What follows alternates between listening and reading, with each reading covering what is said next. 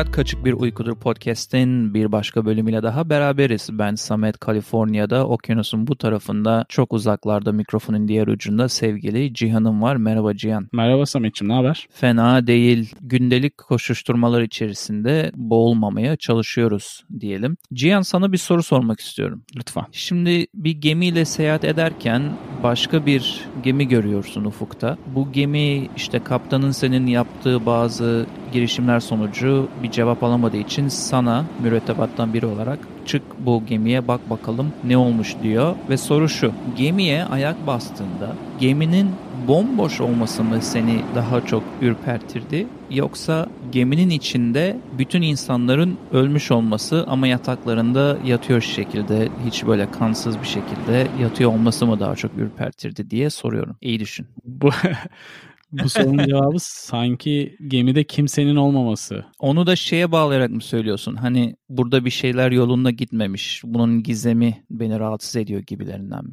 Düşününce gemide okyanustasın. Gemide kimse yok. Şey değil ki bu hani kenara park edeyim de bir ana karaya gidip geleyim bir ortam da yok. Bu insanlar acaba yer yarıldı içine mi girdi diye düşünürüm. Bir ölme vakası olsa gözünün önünde kafanda canlanacak olan 3 aşağı 5 yukarı senaryolar belli. Fakat kimsenin olmadığı bir gemide neler olmuş olabilir? Yani bu bilinmezlik ve soru işaretleri aslında insanı bazı durumlarda daha da rahatsız edebiliyor. Aslında önünde duran cansız bedenlere karşılaştırma olarak değil mi? Yani şeyi düşünüyordum ben şimdi sana bunu sormamın sebebi bir şeylerin anlamsız bir şekilde terk edilmiş olması her zaman insanların biraz böyle içini ürkütüyor. Çok da korku filmi bölümüne dönmek istemiyorum ama mesela yol kenarında terk edilmiş bir araç olduğunda da hemen ben gördüğümde kendi kendime hikayeler yazıyorum. Özellikle garip bir yerde terk edilmişse ve özellikle iyi kondisyonda bir araba ise. Örneğin içinde hiç insan bulunamayan ama durum olarak çok iyi durumda olan uçaklar falan çok ürkütücü olabilir. E, bu bölümde de aslında hemen hemen durumu neredeyse kusursuza yakın olan yani hiç de çok böyle hasarlı bir durumda olmayan bir geminin, bir kargo gemisinin denizin ortasında bulunmasını anlatacağız Neyden bahsediyorum ve sana niye bu soruları sordum? Çünkü zamanında tarihte Mary Celeste gemisi aynen böyle bulunuyor ve üzerinde hiçbir şekilde mürettebat, kaptan, çalışan kişi bulunamıyor bu geminin. Dediğin gibi bilinmez bir gemiyi bu bölümde dinleyicilere anlatacağız. Mary Celeste gemisi Cebeli Tarık Boğazı'na doğru ilerleme halindeyken 4 Aralık 1872 tarihinde Portekiz açıklarında bulunuyor. Terk edilmiş olarak bulunuyor. Ve beraberinde birçok bilinmezi de dünyanın ve denizcilik tarihinin gündemine oturtuyor. Çünkü normalde mürettebat artı iki yolcusu bulunan yani toplamda 10 kişinin olması gereken gemide kimse yok. Bahsettiğimiz şekilde bulunduğu sırada. ilave olarak senin de bildiğin gibi bir ticaret gemisi ve 1071 adet varille beraber New York'tan Cenova'ya gidiyor. Fakat Hı. bir ay geçtikten sonra yolculuğundan hikaye başka bir noktaya ilerliyor Sametciğim. Evet bu 1872'de aslında yüzlerce gemi batarak kaybolmuş kötü hava şartlarından dolayı bazı raporlara göre. Çünkü Atlantik bayağı biliyorsun acımasız bir ortam ve gemiler de bu hani steam buharla değil de tahta gemilerin ilkel gemilerden bahsediyoruz. Özellikle Mary Celeste o tarz bir gemiydi. Bu tarz hava koşullarında kafa tutmaları daha da zorlaşıyor. Ama ilginç olan işte bu kaybolan bir sürü gemi veya batan gemilerin hep arda kalan bir kanıtı vardı havaya dair. Ama senin de bahsettiğin Mary Celeste gemisinde sıfıra yakın bir hasar bulunuyor. Dolayısıyla hani hava şartları kötüydü ve bir şekilde gemiye bir şeyler oldu ve hani bu insanlar bulunamadı. Gemi de yarı batık bir şekildeydi, su alıyordu gibi bir şey kafa kafamızda canlanmasın gayet kendi çapında hiç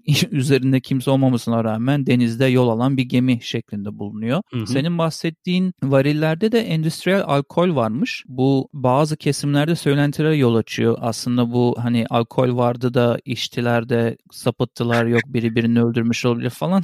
Saçma sapan teoriler var öyle ama aslında hemen söyleyelim içilebilen bir alkolden bahsetmiyoruz burada. Hani bir kişi bunun birazını bile içse zaten kendi hayatına son vermiş olur. Öyle içip de sarhoş olabileceği içeceğimiz bir alkolden bahsetmiyoruz burada. Tehlikeli bir maddeden bahsediyorsun esasında. Çünkü saf alkol aynı zamanda kapsayıcı özelliği olan da bir malzeme. Geminin aslında hikayesinden de bahsedelim bu meşhur olaydan önce. Adı Amazon'muş biliyorsun 1861 yılında yapıldıktan sonra 7 yıl içerisinde Samet 3 tane kaptanı güvertede ölüyor ve birkaç tane kaza yapıyor bir süre içerisinde. En sonunda bir yangın hikayesi var. Kaza yaptıktan sonra işte tersaneye geçiyor gemi tamir için. O sırada tersane yanıyor. Gemi bir yine sağlıklı diyebileceğimiz bir durumda. Sonrasında tekrar bir karaya oturma mevzusu oluyor gemide. Gemi karaya oturduktan sonra bu sefer ciddi hasar oluyor. İşte geminin çekilmesi edilmesinden sonra 1750 dolara Richard Haynes isimli bir iş adamına satılıyor. Daha sonra da işte geminin hem kaptanı hem de sahipleri arasında olan Benjamin Briggs'e geçiyor. Ve Benjamin Briggs de 8 mürettebat kendi dahil ve iki yolcu karısı ve iki yaşındaki kızıyla Cenova'ya doğru ticari bir seyahate çıkıyor. Evet Briggs aslında tam bu gemi almadan önce emekli olup pılını pırtını toplama şeklinde bir kenara çekilme durumunda imiş. Ama bu teklifinde gelince tabii tahmin edersin anlattığın bütün bu başından geçen olaylardan dolayı gemi biraz daha ucuza gidiyordu. Bu fırsatı kaçıramam deyip gemiyi almaya karar vermiş son bir ticaret olayına girmek için. Hı hı. Bu şimdi gemicilerde biliyorsun özellikle Amerika'da o zamanlarda batıl inançlar çok ağır basardı. Hani hayaletler, lanetler falan olsun. Bu gemi de aslında senin dediğin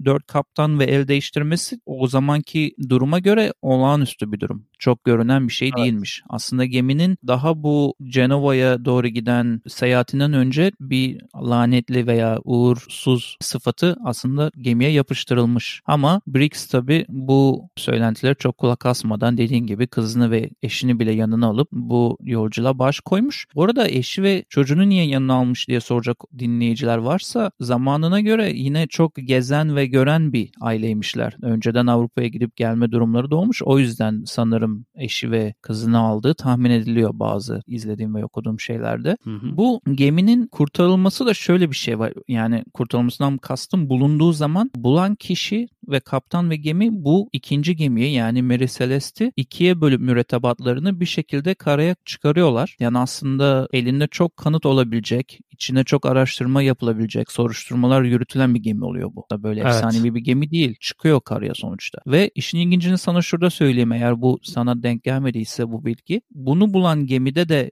8 kişi falan var sanırım. 4-4 ayırıyorlar mürettebatlarını ve sadece 4 kişiyle bile sorunsuz bir şekilde hiç fazla zorluk yaşamadan, fazla bir challenge olmadan 4 kişiyle Mary Celeste'i sapasağlam, hiçbir sıkıntı çekmeden Cebeli Tarık'ta karaya çıkarıp sapasağlam park edip işte soruşturma için gerekli kişilere teslim edebiliyorlar. O da küçük bir not olsun. De Gratia mürettebatı işte Mary Celeste'i bulduğu zaman temel problemi pompalarından sadece bir tanesi çalışıyormuş Samet. Bu hı hı. bakınca teknik ama önemli bir problem. Geminin seyrine devam edebilmesi için. O bir nokta. Diğer nokta bulunduğu esnada 6 aylık su ve erzak gemide bulunuyormuş. Yeterli bir orandan bahsediyoruz. Bir ay önce yola çıkmış bir gemi için. Kaptanın seyir defteri ve gemiyle alakalı bütün evraklar ortada yokmuş. Geminin saati çalışmıyormuş ve pusula, sekant ve kronometre de kayıpmış. Tabii ki bunları niye söylüyorum? Biraz sonra konuşacağımız komplo teorileri içerisinde bize yol gösterebilecek olan doneler. İlave olarak yüklere dokunulmamış yükler derken alkolden bahsediyoruz bahsediyoruz. Sonuçta ticari bir değeri var. Hı hı. Korsan faktörünü egale etmek için söylüyorum. Evet bayağı bir değeri var. Diğer nokta ise şahsi eşyalara da dokunulmamış. Yani bir hırsızlık olmamış. Sanki birileri almış götürmüş ya da kendileri yürüye yürüye gitmişler edası var. Ama şöyle bir ayrıntı da ekleyelim dediklerini hepsi çok önemli katılıyorum. Bu filika varmış ama 4 tane olması gerekirken bir tane varmış bu arada. Çünkü yeterli değil 10 kişi için o küçücük filikaya binmeleri. O yüzden onu para kısmında biraz tasarruf etmek için bir tane aldığı söyleniyor Kaptan Briggs'in. Ve o yoktu bu arada gemi bulunduğunda. Onu da söyleyelim şimdi senin evet. anlattığın bulunan bulunmayan şeyleri. Bu arada seyir defteriyle ilgili de birkaç şey eklemek istiyorum. Sana ekstra not olarak. Seyir Hı-hı. defteri bulunamıyor. Günümüzde bile yok ortada. Ama Cebeli Tarık'ta soruşturmayı yürüten Amerika'nın o zamanki işte consulate deniyor. Resmi makamlarından biri olan Horatio Jones Sprague isimli biri hem geminin tek resmi Mini. Çeken kişi hem de seyir defterinde ne okuduğunu rapor eden kişi. Yani orada hmm. da bir garip çelişki var. Onu nasıl buldum onu da anlatmak istiyorum. Smithsonian diye bir tane çok ünlü belgesel kanalı var. Burada zaten senin de bildiğin bu meşhur evet. Smithsonian Müzesi'nin Amerika'daki belgesel kanalı. Sadece ücret ödeyerek belgesellerini izleyebiliyorsun. Orada Melis Celeste için aylık da 5 dolar falan galiba merak edenler hmm. varsa izlemek isteyenler. Orada Melis Celeste için ben bir aylık bir üyelik yaptım. Okudum çünkü özellikle ödememin sebebi şeydi. Seyir defterine dair ipucu bulduklarını söylüyordu teaser'da. Seyir defteri aslında yok. Yani bulunmamış ama onunla ilgili notların bulunduğunu söylüyordu. Ben de okudum, izledim onu. Çok ilginç. Belli bir güne kadar not tutmuş Briggs. Seyir defterinin aslında kendi yani şeyde olmasına gerekirken kontrol odasında. Hmm. Kendi kişisel odasında bazı defterlerin ve kişisel ona ait eşyaların altında bir yerde bulunduğunu mürettebattan birisi söylemiş soruşturma hmm. sırasında. Ama şöyle garip bir şey var. Bahsettiği tek şey bak çalışmayan pompadan hiç bahsetmemiş. Bir ataktan bir şeyden bahsetmemiş. Acil bir durumdan bahsetmemiş. Tek bahsettiği 3 tane büyük fırtınayı sapasağlam atlattıkları ve her şeyin yolunda gitti. O tarz bir son notu var defterde. Bir de çok uzatmadan bu kronometre ile ilgili de biraz derinlemesine bakayım dedim. Zamanında gemiye kronometre almak ölüm kalım meselesi. Yani kronometre sayesinde nerede olduğunu, ne kadar gittiğini, ne zaman karayı göreceğini yani resmen senin hayatta kalman için geminin okyanusun ortasına çok önemli bir alet. Kronometre bir değil, iki değil, üç tane alınırmış hep gemi gemilere. Biri kaybolur, biri bozulur falan neticesinde bir risk olmasın diye bu gemiye Cihan sadece bir tane kronometre alınmış kayıtlara bakıldığında yola çıkmadan önce ve dediğin gibi hiçbir zamanda o kronometre bulunamadı bu gemide. O da başka gizeme gizem katan bir şey. Senin biraz sonra bahsedeceğin komple teorileri ile ilgili bağlantılı olabilir diye düşünüp eklemek istedim. Teknik olarak eksiklikleri olan bir serüven gibi gözüküyor. Burada bakınca New York'tan Cenova'ya giden bir gemiden bahsediyoruz dedik. Hatta Briggs ilk başta seferi biraz ertelemiş çünkü biraz pirpirikli bir kaptan olarak geçiyor kayıtlarda işini garantiye almayı seven birisi olarak bir fırtına varmış. O fırtınanın geçmesi sonrasında yola Hı-hı. çıkmış. Yani seferi aslında erteleyerek yola çıkmış. Hı-hı. Fakat yine de kaçamadığı şeyler olmuş gibi gözüküyor. Bir sürü senaryo var biliyorsun Sametçim. Hem tutarlı hem tutarsız. Çünkü bu yaptığımız bilinmezler bölümlerinin en güzel tarafı adından da belli olduğu gibi bilinmemesi ve insanların en sevdiği şeylerden biri olan komplo teorilerine de kucak açması. Benim gördüğüm en gerçekçi senaryoyu seninle paylaşmak istiyorum. Bilmiyorum senin de aklına yatacak mı? Hani sonuçta bulan geminin işte oradakileri öldürmesi ya da uzaylılar ya da korsanlar vesairelerin dışında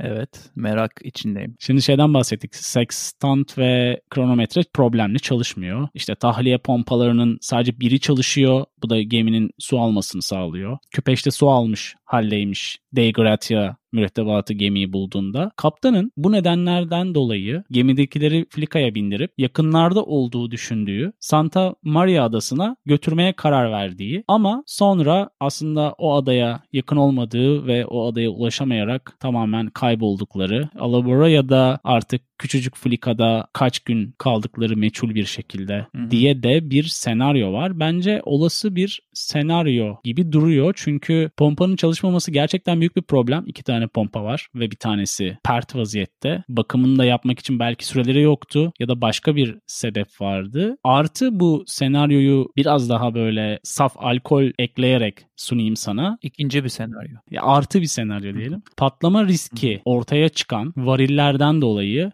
gemiden bir süre uzakta kalmaya çalışıp filikalara binerek daha sonrasında işte gemideki havanın ve durumun normale dönmesiyle beraber gemiye dönme niyetleri de olmuş olabilir. Fakat sonra gemiden tamamen uzaklaşmış olma ihtimalleri de hatırı sayılır bir senaryo. O zaman ben de biraz ekleme yapayım. Bu varillerin hepsi bu arada soruşturma bittiğinde Genoa'ya nereye gitmesi gerekiyorsa oraya teslim edilmiş ve hepsi açılmış. Bazı ödemeler bile yapılmış hatta teslim edenlere. 9 tanesi Cihan içi boş çıkıyor. Yani sızmış, akmış evet. bir şekilde, boşalmış bir şekilde çıkıyor. Baktıklarında da o zaman zaten çok fazla analiz teknikleri yok ama baktıklarında meşe ağacından yapılan varillerde bu dokuzunun nedense farklı bir meşe ağacından yapıldığı yani çok fazla akışkan olan ve sıvıları kolayca akıtan bir meşeden yapıldığı düşünülüyor. Niye bunu anlatıyorum sana? Aya yere basan teorilerde bu 9 varilin sızması sonucu kaptanın panik yapmış olabileceği de düşünülüyor. Eğer bu konuyla ilgili bir gözleme olduysa. Pompa olayı da çok ayağı yere basan bir teori. Onun dışında çok saçma sapan yine böyle aklımızı zorlayacak Bermuda şeytan üçgenine kadar giden veya Sea Monsters o zamanki zamanda deniz canavarları çok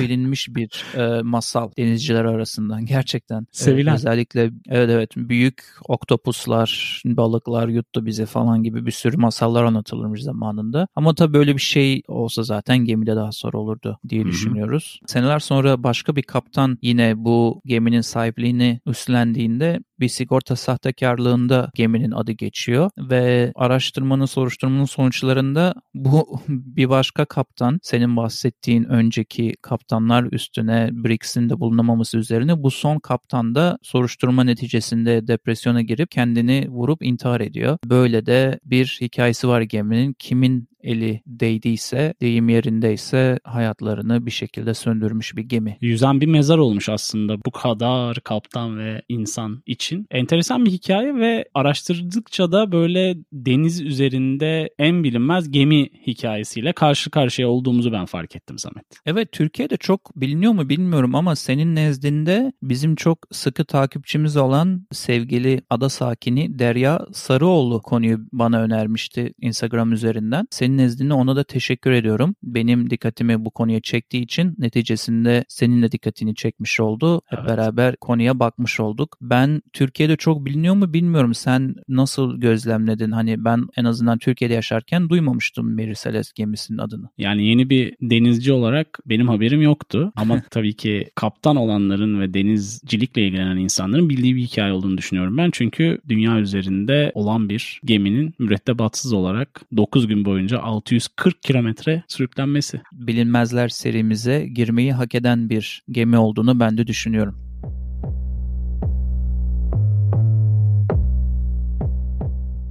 Ne öneriyoruz kısmıyla bir kez daha sizlerin karşısındayız.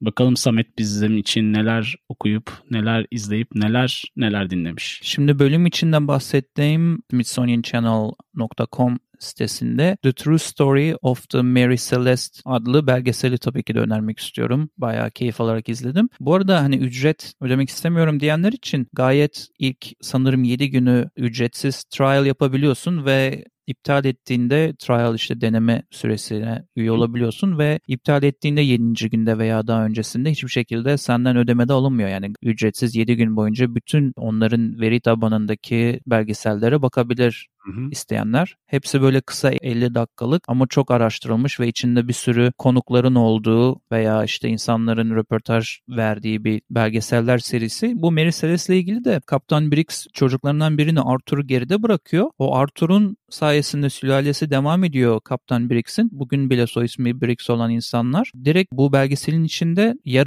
alıyorlar merak edenler için. Daha derine inmek isteyenler için. Bunu önermek istiyorum bir belgesel olarak ve şarkı olarak da Gleamer grubunun Porcelain şarkısını HKBU dinlencesi Spotify ve YouTube listemizde oluşturduğumuz güzel dinlencemize eklemek ister ve sözü sana bırakıyorum. Teşekkürler Samet'ciğim. Bir an şey zannettim. Aylık abonelik veriyorum isteyenlere şeklinde devam edeceksiniz zannettim.